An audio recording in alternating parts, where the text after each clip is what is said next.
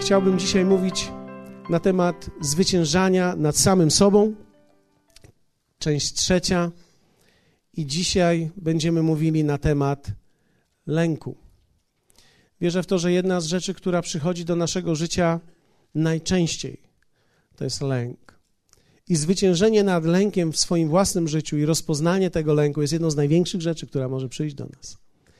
Więc dzisiaj pomyślałem, że to byłoby wspaniałe, to będzie wielki dla nas przywilej, aby jedna z osób, które stosunkowo niedawno oddała swoje życie Jezusowi, aby powiedziała nam, jakie rzeczy przyszły również na jej życie i w jaki sposób pokonała to w Bogu. Tak? Poprosimy. Zachęćmy Leszka. Tak jest. Prosimy.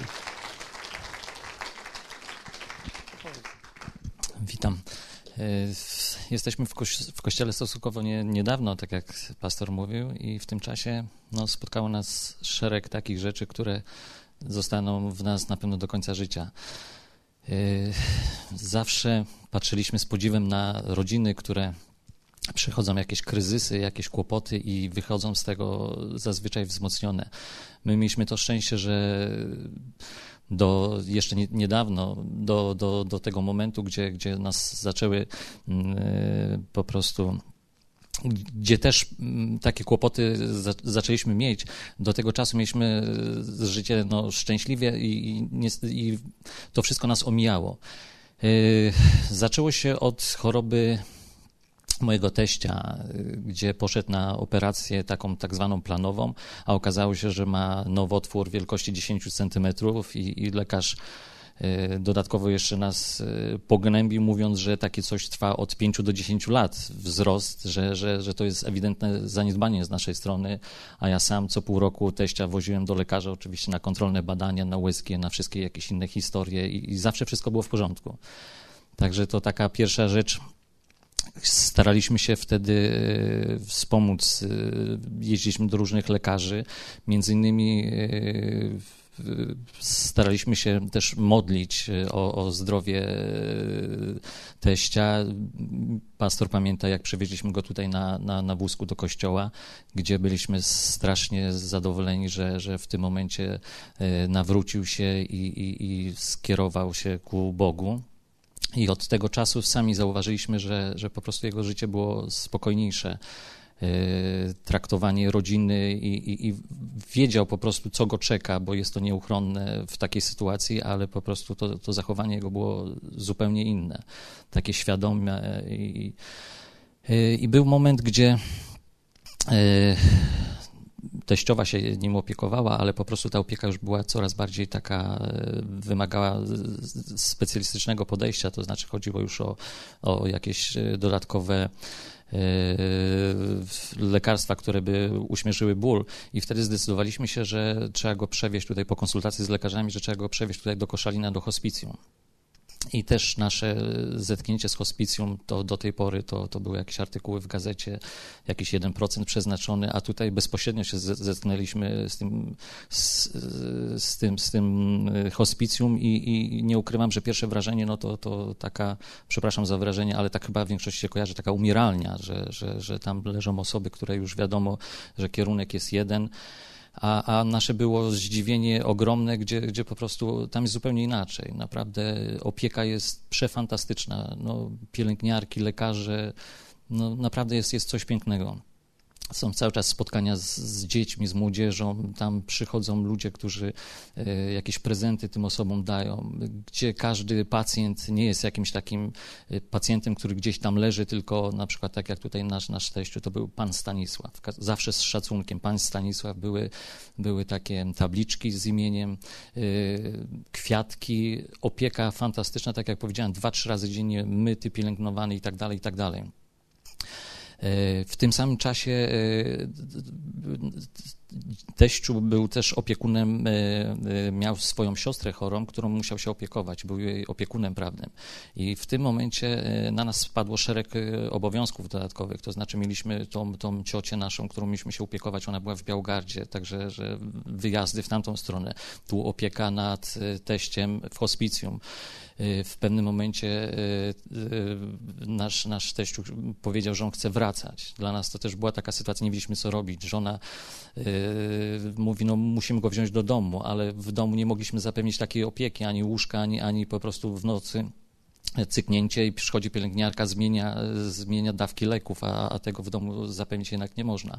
No i doszliśmy do, do wspaniałego znaczy nie wiedzieliśmy, jak z tego wyjść.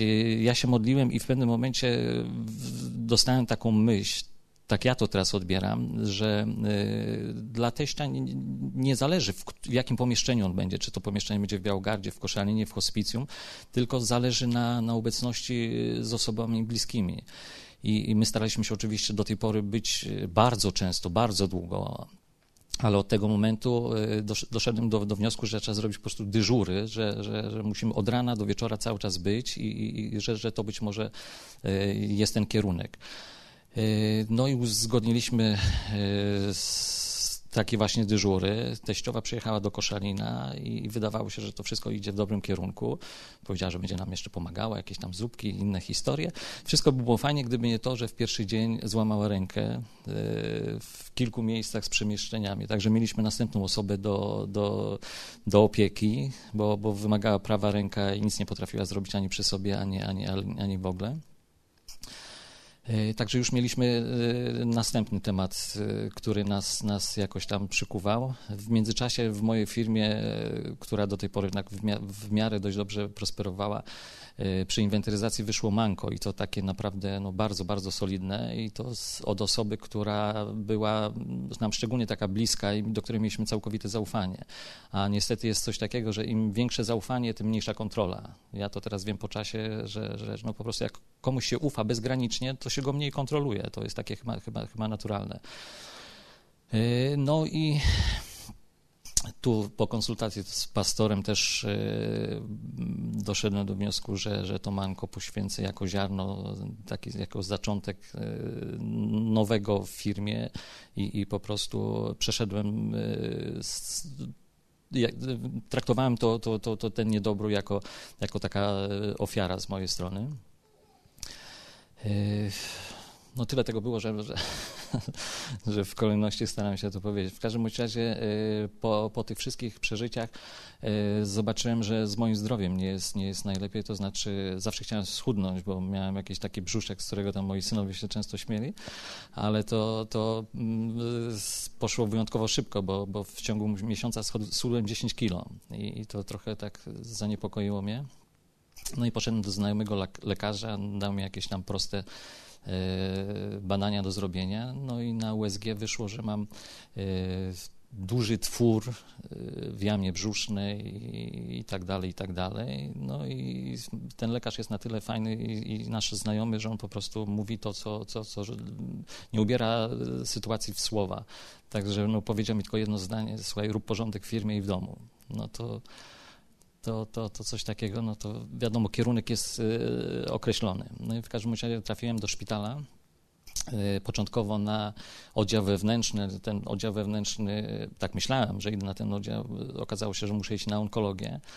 Y, to było moje pierwsze zetknięcie ze szpitalem, nigdy wcześniej nie byłem, także też dodatkowe jakieś takie emocje, stresy. No i na onkologii też opieka super, lekarze, pielęgniarki, to, to naprawdę, to już nie są te czasy opisywane w jakichś tam komediach polskich. Tu jest, tu jest y, profesjonalizm pewny, no ale sytuacja jest taka, że, że leżąc na przykład i, i w ciągu tygodnia widzi się człowieka, który w pierwszym dniu rozmawia przez e, telefon komórkowy ze swoją rodziną, a po tygodniu e, jest roślinką. Rodzina przyjeżdża, go zabiera i, i, matka się zastanawia, czy do poniedziałku uda się jeszcze go utrzymać przy życiu, bo coś tam, coś tam muszą zrobić i w swojej miejscowości. Także no, nie jest to takie z, z, budujące strasznie. Z tym, że w tym okresie cały czas miałem wsparcie i, i rodziny, ale i tutaj pastor też swoimi SMS-ami wspierał, co mi dużo, dużo dało. Y, teściu nas y, niestety, niestety y, słabnął w oczach i, i, w pewnym momencie już te dyżury, tak jak mówiłem, były całodniowe. Pewnego dnia Ala powiedziała, że czuje, że w tym dniu musi być w nocy też dyżurować. Także zrobiliśmy jakieś przygotowania, dodatkowe jedzenie. I, a nic nie zapowiadało, jeżeli chodzi o, o, o wygląd e, taty, żeby jakoś tam sytuacja się zmieniała. Lekarze też tam nic nie mówili, że coś się dzieje złego. W każdym bądź, bądź razie przy nas, tak w ciągu godziny, y, widzieliśmy śmierć taty. Po prostu my to czuliśmy. I, I, był taki moment, gdzie, znaczy wydaje mi się, że widzieliśmy spokój w, w, w, u dziadka. Ten moment to, to wygląda w ten sposób, że Ala trzymała go za jedną rękę, ja za drugą i, i, i, i po prostu to takie było y, odejście. Y, no, dla nas to było przeżycie. Nie ukrywam, że wcześniej, gdybym, y, gdyby nie zetknięcie z Bogiem, w takie sytuacje ja to sobie kojarzyłem z jakąś taką wielką, nie wiem, rozpaczą, płaczem, takim wybuchem, nie wiem, agresji, dlaczego. Y, tutaj było to wszystko tak naturalne. Godzinę wcześniej zmarła y, z sąsiedniej sali taka starsza pani i, i, i tam rodzina siedziała na, na korytarzu i, i płakała. I, ja sam się potem dziwiłem, że na przykład było mi stać po już śmierci taty, gdzie podeszłem i rozmawiałem z tą, z tą, z tą panią i tak udało mi się ją jakoś tam wesprzeć w tej sytuacji. No i, i, i, w sumie tych, tych, tych kłopotów trochę się zrobiło i, i e, w, z Alą modliliśmy się. To jest pierwszy raz wspólnie się modliliśmy, bo modliliśmy się, ale każdy podejrzewa tak, e, jak, jak, to, jak często pastor mówi, że gdzieś tam w samochodzie, wieczorem, coś tam, ale tutaj to były takie wspólne modlitwy w danym kierunku, o to, tamto, żeby to nam się wszystko e, ten ułożyło. Po śmierci taty, po pogrzebie, Moja mama y, pierwszy dzień po pogrzebie daje mi pismo, gdzie mam y, wezwanie do sądu, gdzie ta pracownica, która u mnie, u mnie pracowała, wyzwała mnie jako oskarżonego i zaskarżyła, że ja zwalniając ją z pracy, bo ją zwolniłem w końcu, ja zwalniając ją z pracy, ona poniosła straty moralne i te straty moralne wyceniła na zadośćuczynienie przez przypadek w kwocie równej manku, które wcześniej u mnie zrobiła. Także no, w ogóle Mistrzostwo Świata. Yy, yy, no myślę, że, że, że tych, tych rzeczy to już yy, nie będę pogłębiał, bo to jeszcze każda historia miała swoje takie wnętrze, takie, takie. No w każdym razie to jeszcze, jeszcze w międzyczasie, jak, jak wspomniałem o tej cioci Krystynie, którą e, nasz e, teściu się opiekował, on był opiekunem prawnym i w momencie, gdy on zmarł, ktoś musiał e, podjąć tą opiekę. To też nie było takie proste, bo, bo ona mieszkała w Białogardzie i teraz teściowa, pierwsza grupa inwalidzka, sama, złamana ręka, no ciężko. My, jednak praca jakieś, to można raz, drugi pojechać, ale codziennie to, to, to też jest ciężko. I staraliśmy się o dom opieki. Jak poszliśmy załatwiać taki dom opieki, to okazało się, znaczy warunki super, bo oglądaliśmy, z tym, że okazało się, że gmina musi mieć pieniążki na ten cel i musi wysygnować te pieniądze, co oczywiście pieniędzy nie ma żadnych, jest to nie do załatwienia. No w każdym razie, reasumując to wszystko, w tej chwili sytuacja wygląda w ten sposób, że teściowa ręka się zrosła, już jest sprawna. E, nasza ciocia ma, mieszka w, w domu opieki, jakimś cudem nam się udało to, to, to załatwić i jest zadowolona, ma super warunki. No ja jak widzę, jak widać, no jeszcze na tamtym świat się nie, nie, nie, nie, nie wybieram. Jeszcze tu pastor mówił, że, że coś mam do zrobienia i, i wszystko idzie w dobrym kierunku. No i tak, tak by to wyglądało. A spra sprawy w sądzie, jeszcze tylko słowo, sprawy w sądzie wygrałem i jest przyznane nam odszkodowanie, nie? Jednoznacznie. Ja powiem tak tylko, że słuchałem tego wszystkiego y, jeszcze raz, bo, bo musicie też wiedzieć, że to wszystko było w jednym okresie. I to było bardzo ciekawe, ponieważ e, oni przyszli wtedy do Jezusa, oddali mu swoje życie i wydawałoby się, że kiedy oddali swoje życie Jezusowi, od tego momentu już tylko niebo może ich czekać. Tymczasem oni dzwonią do mnie, ponieważ jesteśmy na tyle blisko, bo jesteśmy połączeni jakoś też, e, Beatka, tak, rodzina, więc e, rozmawiamy ze sobą. Jest jak nagle jedna rzecz. Modlimy się, chwała Bogu. Za chwilę kolejna rzecz. Hmm, kolejna rzecz. Kolejna rzecz. I pamiętam, Pamiętam któregoś dnia pomyślałem sobie, Jeśli oni przejdą przez ogień, jeśli chwycą się Jezusa, to będą widzieć w swoim życiu nie tylko zwycięstwo w tym, ale również przejście przez to wzmocni ich wiarę. Dlatego, że oni byli zwycięzcami już, kiedy weszli na tą drogę, ale nie wiedzieli o tym. Ponieważ nikt z nas nie wiedział, gdy zaczynaliśmy. Ale dzisiaj mogą stać oboje i zaświadczyć o tym, że Bóg przeprowadził ich przez to i że On jest w stanie przeprowadzić Ciebie również przez każdą sytuację, którą Ty dzisiaj, z którą się zmierzasz. Myślę tylko, że jedna z największych rzeczy, która przychodzi do naszego życia, to jest pokonanie tego lęku, który, który staje się często motywatorem w życiu wielu ludzi. Nie wiem, czy zwróciliście uwagę, ale lęk ma w sobie niesamowitą siłę motywacji. Można na przykład pracować z powodu lęku. Czy wiecie, że są ludzie, którzy pracują, bo się boją? Czyli pracują czasami niektórzy w jednej firmie, ponieważ się boją stracić tego stanow... boją się stracić tego stanowiska, bo gdyby stracili to stanowisko, to co się będzie z nimi działo? Więc niektórzy idą na jakiś kompromis w swoim życiu tylko dlatego, że się boją. Można nie pracować z powodu lęku. Jesteście ze mną, tak? Można uczyć się z powodu lęku, czyli muszę się uczyć, muszę iść na studia, bo się boję, co ze mną będzie. Czy studia są złe? Nie. To jest wspaniałe. Dobrze jest edukować się, jeśli wiesz, że to jest wola Boża dla ciebie w tym momencie, ale jeśli robisz to, bo, ponieważ się boisz, ten lęk niszczy twoje życie. Zobaczcie, można wyjść za mąż z powodu lęku. Tak? Mam 28 lat. No ten mój taki jest trochę buba no ale no co będę wybierać? Buba to buba. No przecież znam moje koleżanki, mają same buby i, i tam... A ci, którzy nie są bubami, to nie, nie widziałam już ich dawno. Więc no trudno, więc przecież nie zostanę starą panną, no więc idę z nim, tak? Więc, więc teraz ktoś może być z kimś w związku, w relacji z powodu lęku, że będzie sam. Ale też można nie żenić się z powodu lęku. Czyli teraz ja nie chcę wejść w związek, bo to jest jakaś odpowiedzialność dla mnie. Ja nie chcę, bo co będzie, kiedy będę zraniony? Nie, nie wiem, czy zwróciliście uwagę, ponieważ jedna z największych rzeczy w Twoim życiu to jest umiejętność rozpoznania swoich własnych lęków. Jaki lęk dzisiaj motywuje Cię do jakich działań? Zobaczcie, można nic nie zmieniać w swoim życiu z powodu lęku. Jest wielu ludzi, którzy piszą też do nas i czy też dzwonią, czasami przysyłają e-maila i mówią: Wspaniałe programy, o, jakie to jest cudowne. Chcielibyśmy w tym uczestniczyć, ale boimy się. Boimy się, ponieważ co by to było, gdybyśmy naprawdę mieli w to wejść? Co to będzie, co będzie z naszym życiem? Czy ludzie boją się, pozostają bez zmian w swoim życiu, ponieważ boją się zmian. Lęk jest ich motywatorem. Wiecie, można nie chodzić do kościoła z powodu lęku.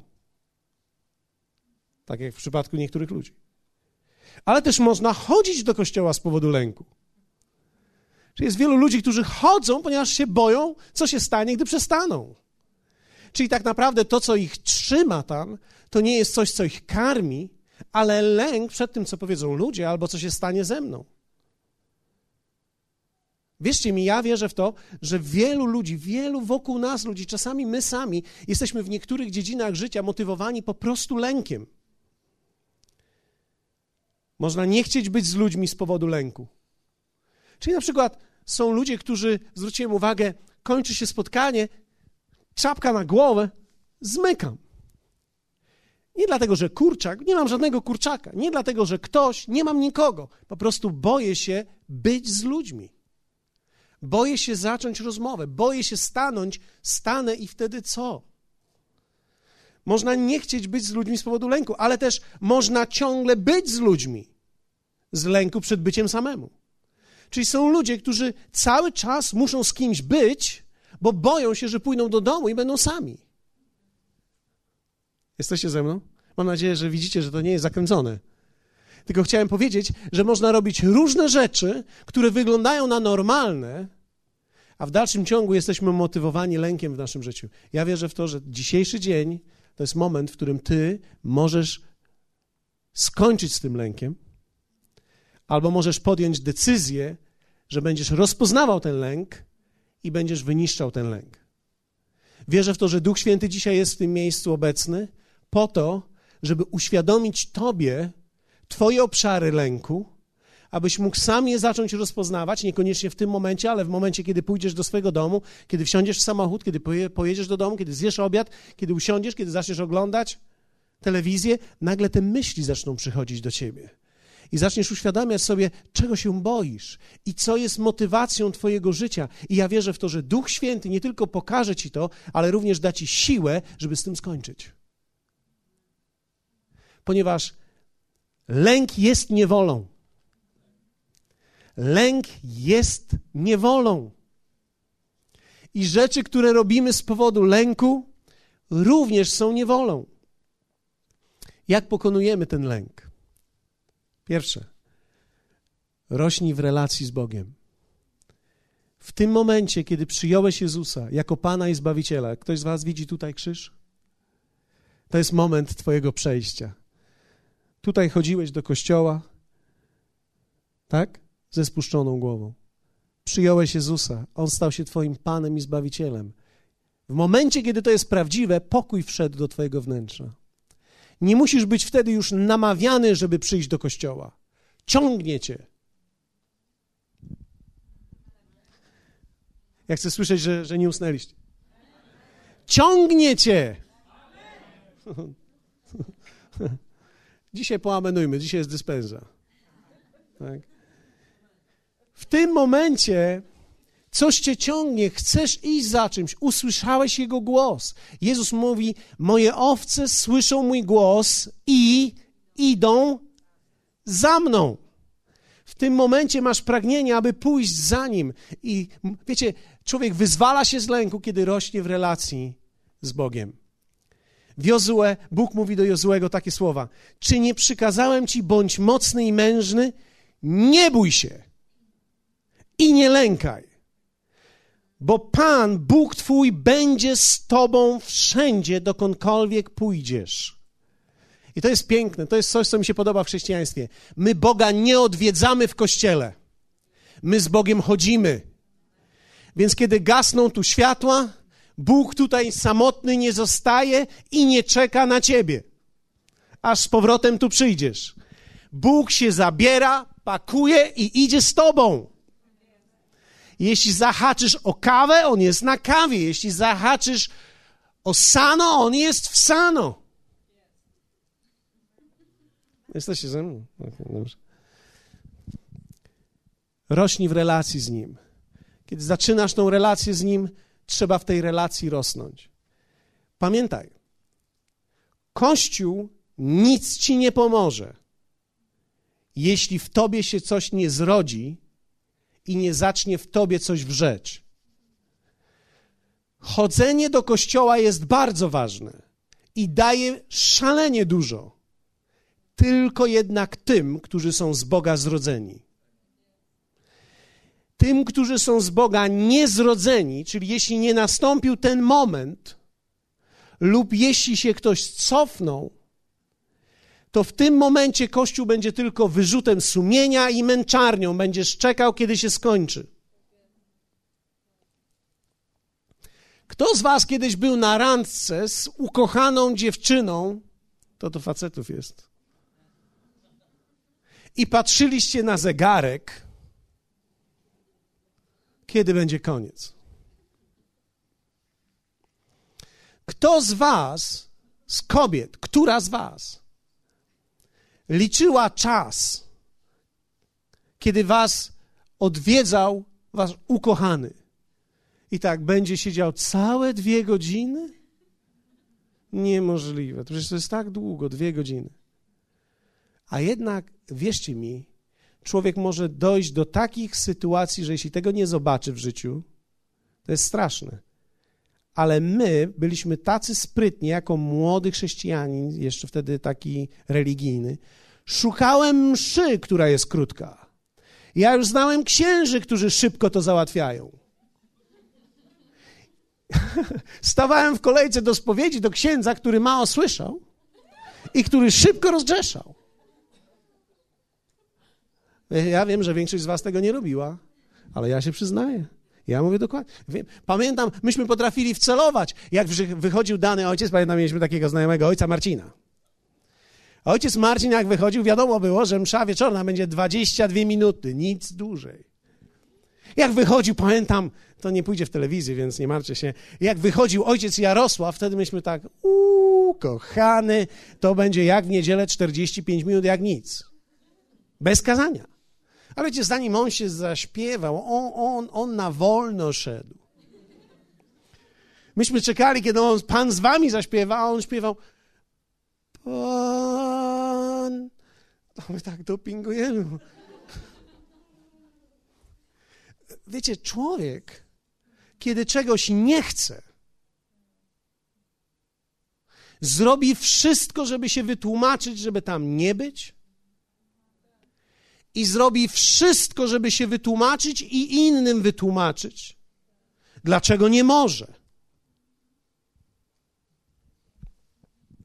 Wiecie, ja nie chcę powiedzieć, że nabożeństwa niedzielne mają trwać 6 godzin. Nie. Ale jeśli siedzi człowiek tutaj i patrzy ciągle na zegarek, kiedy ma iść do domu, to to tak naprawdę nie mi, ale tobie powinno mówić o twojej miłości do, do Niego. Jesteście ze mną? Dobrze. Musimy umieć rosnąć w tej relacji z Nim. Czyli kiedy ja idę do domu, On idzie razem ze mną. I kiedy On idzie razem ze mną, lęk, który ja miałem w moim życiu, opuszcza mnie. Bo to jest straszne, że muszę sam stawić czoła okolicznościom życia. Bóg został z tyłu, zamknięty jest za kotarą. Ksiądz wziął klucz i poszedł z tym kluczem. Nijak się dostać. A ja teraz sam muszę stawić czoła w mój poniedziałek, wtorek, w środę. Ale jakie to jest piękne, kiedy mam świadomość, że kiedy gasną światła, On idzie ze mną. Ten, który mnie zrodził, ten jest we mnie. Wobec tego ja mogę iść w tej odwadze, którą On mi dał, w okoliczności mojego życia. Nie jestem sam. Powiedz, nie jestem sam. Nie jesteś sam. Gdy jedziesz w delegację, nie jesteś sam. Gdy jesteś w drodze, nie jesteś sam. Gdy jesteś w swoich problemach, nie jesteś sam. Gdy jesteś z kimś w trudnej sytuacji, nie jesteś sam. Ale wierzcie mi, w tym trzeba wzrastać. Ponieważ kiedy ja mówię, nie jesteś sam, niektórzy tak, naprawdę? Naprawdę? Ale to, nie, to cię nie przekona. To musi się stać tutaj. Ty musisz zacząć czytać to słowo, być częścią tego słowa, rozwijać relacje z nim, ponieważ to jest relacja. Mój Bóg ze mną jest. On jest ze mną. Naucz się takich piosenek. Nie tylko Rihanna i Shakira. I'm gypsy. Naucz się nowych. Mój Pan ze mną jest. I to nie dlatego, że dobrze, trzeba zaśpiewać takie piosenki. To musi grać w tobie. Jest coś pięknego, kiedy coś w tobie gra. Rośnij w relacji z Bogiem. Drugie, rośnij w świadomości swojej pozycji. Ha! To jest dopiero ciekawe. Zobaczcie. Byłem grzeszny, miałem przeszłość, żyłem bez Boga, Byłem absolutnie religijny, fantastycznie religijny. Robiłem wszystko, co religijni ludzie robią, ale nie miałem ani świadomości Boga, ani żadnej pozycji. W momencie, kiedy On mnie zbawił, zmieniło się wszystko. Stałem się nowym człowiekiem. Nie tylko oczyszczonym, Bóg nie zrobił takiej rzeczy. Oj, się wybrudziłeś, no. To cię trochę oczyszczę. Hmm. Jak się wybrudzisz, to cię znowu trochę przeczyszczę. To byś taki brudny nie chodził. No, nie martw się. Będzie dobrze. No, naprawdę będzie dobrze. Nie martw się. No, tak. Nie. Efezjan 1 apostoł Paweł mówi, co się z nami stało, i my musimy to umieć przyjmować i rosnąć w tym. Nie przestaję dziękować za Was i wspominać Was w modlitwach moich. List do Efezjan. Aby Bóg, Pana naszego Jezusa Chrystusa, Ojciec chwały, dał Wam ducha mądrości i objawienia ku poznaniu Jego i oświecił oczy serca Waszego, abyście wiedzieli, jaka jest nadzieja, do której Was powołał i jakie bogactwo chwały jest udziałem świętych w dziedzictwie Jego. Inaczej mówiąc, rozszyfrujmy to. Jak świetnie jest tutaj w tym nowym życiu. Modlę się, apostoł Paweł mówi, żeby was oświeciło, co wy macie tu i jak fajnie tu jest i gdzie jesteście.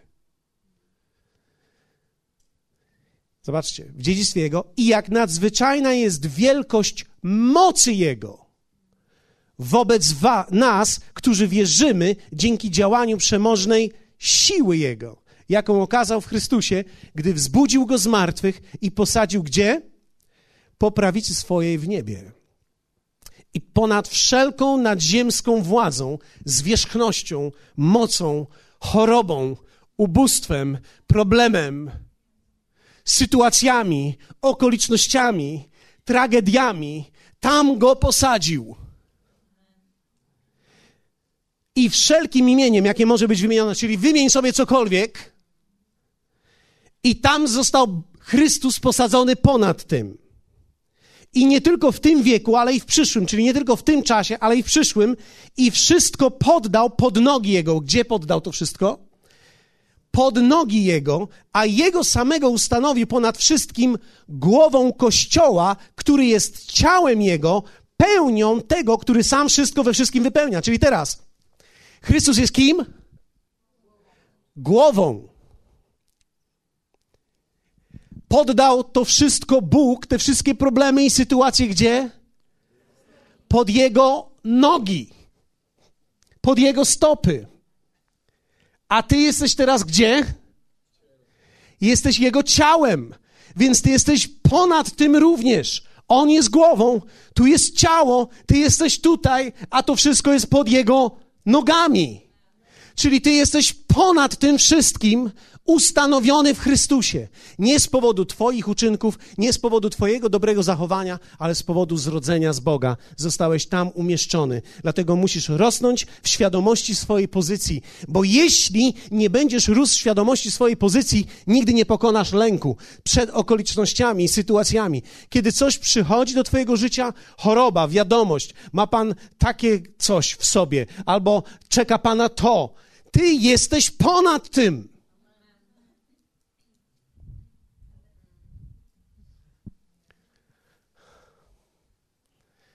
O, czeka Pana ciężkie lata. Ciężkie lata Pana czekają. Ponad tym wszystkim jesteś.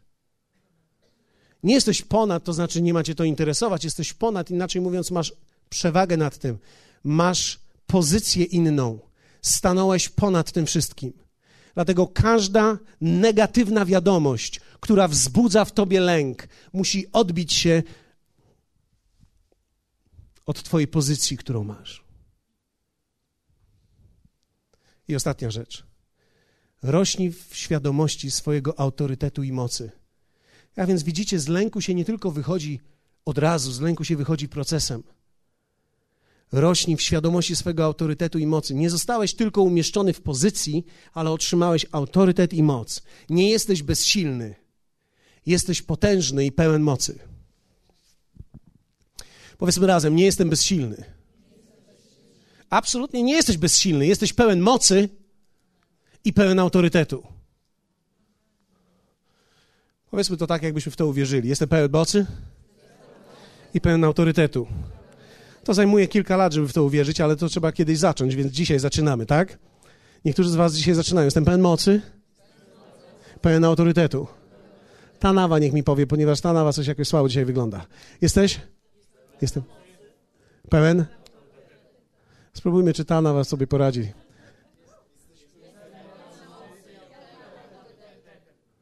Ci tutaj?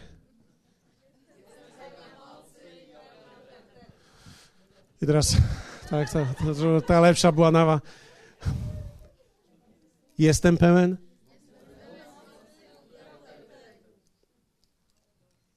No trzeba kiedyś zacząć, tak? A teraz wszyscy razem powiedzmy. Jestem pełen mocy. Dlaczego? Dlatego, że tak się czuję? Nie, dlatego że otrzymałem od niego ten autorytet i tą moc i otrzymałem od niego nową pozycję. A więc jako nowy człowiek wkraczam w życie w zupełnie nowej sferze. Do tej pory sobie nie radziłem. Wszystko, cokolwiek mnie trafiało, to wiadomo było, to miało wszystko jeden kierunek. Dzisiaj my możemy powiedzieć do ludzi, nawet do tych, którzy niektórzy są w hospicjum, czy tych, którzy mają wyrok śmierci na sobie, do niektórych z nich możemy dzisiaj powiedzieć, to nie jest ostateczny kierunek. Być może Bóg ma dla ciebie kolejnych kilka, kilkanaście lat i ty możesz wierzyć Bogu o to i otrzymać uzdrowienie i dostać to, co On ci powiedział, ponieważ nigdy nie będzie koniec, dopóki ty nie powiesz, że będzie koniec. A więc nie poddawaj się przedwcześnie. Rośnij w świadomości swojego autorytetu i mocy. W Kolosan 2, 12 czytamy: Wraz z nim zostaliście pogrzebani w chrzcie. Chrzest jest ważny. W którym też zostaliście wespół wzbudzeni przez wiarę w moc Boga.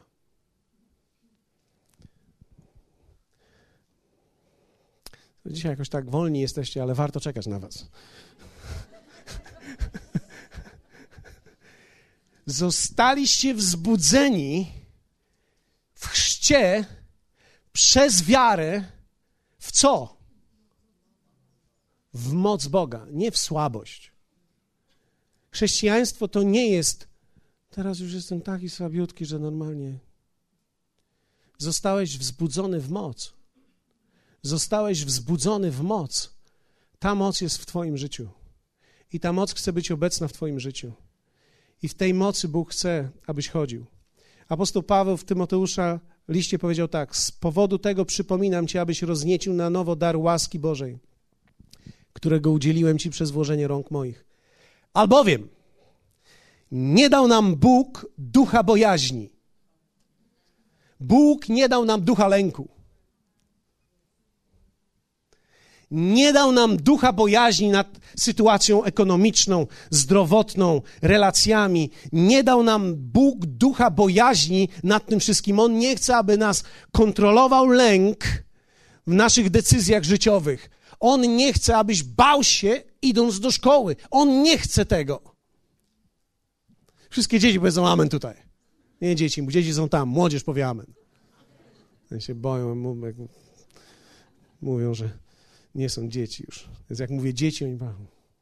Młodzież mówią. Tak. Albowiem nie dał nam Bóg ducha bojaźni, lecz mocy miłości. I to jest agape. Agape, miłość Boża jest we mnie. Dostałem ducha miłości. Mogę kochać tych, którzy są nie do pokochania. Czyli kiedy wracam do domu, dostałem ducha miłości, czyli mogę pokochać wredotę, z którą mieszkam.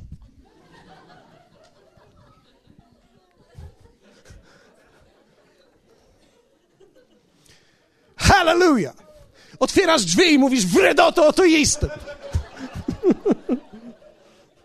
Nie dał nam Bóg ducha bojaźni, lecz mocy, dunamis, miłości, agape i powściągliwości.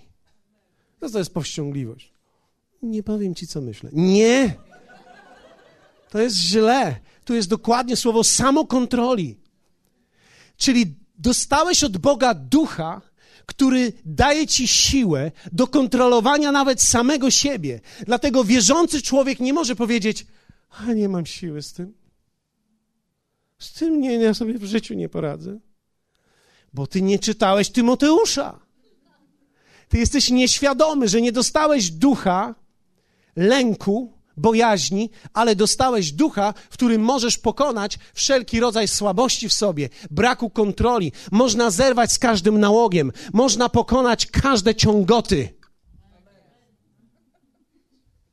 Ciągutki. Można pokonać każdy nauk. Powiedzmy razem każdy. Każdy pociąg.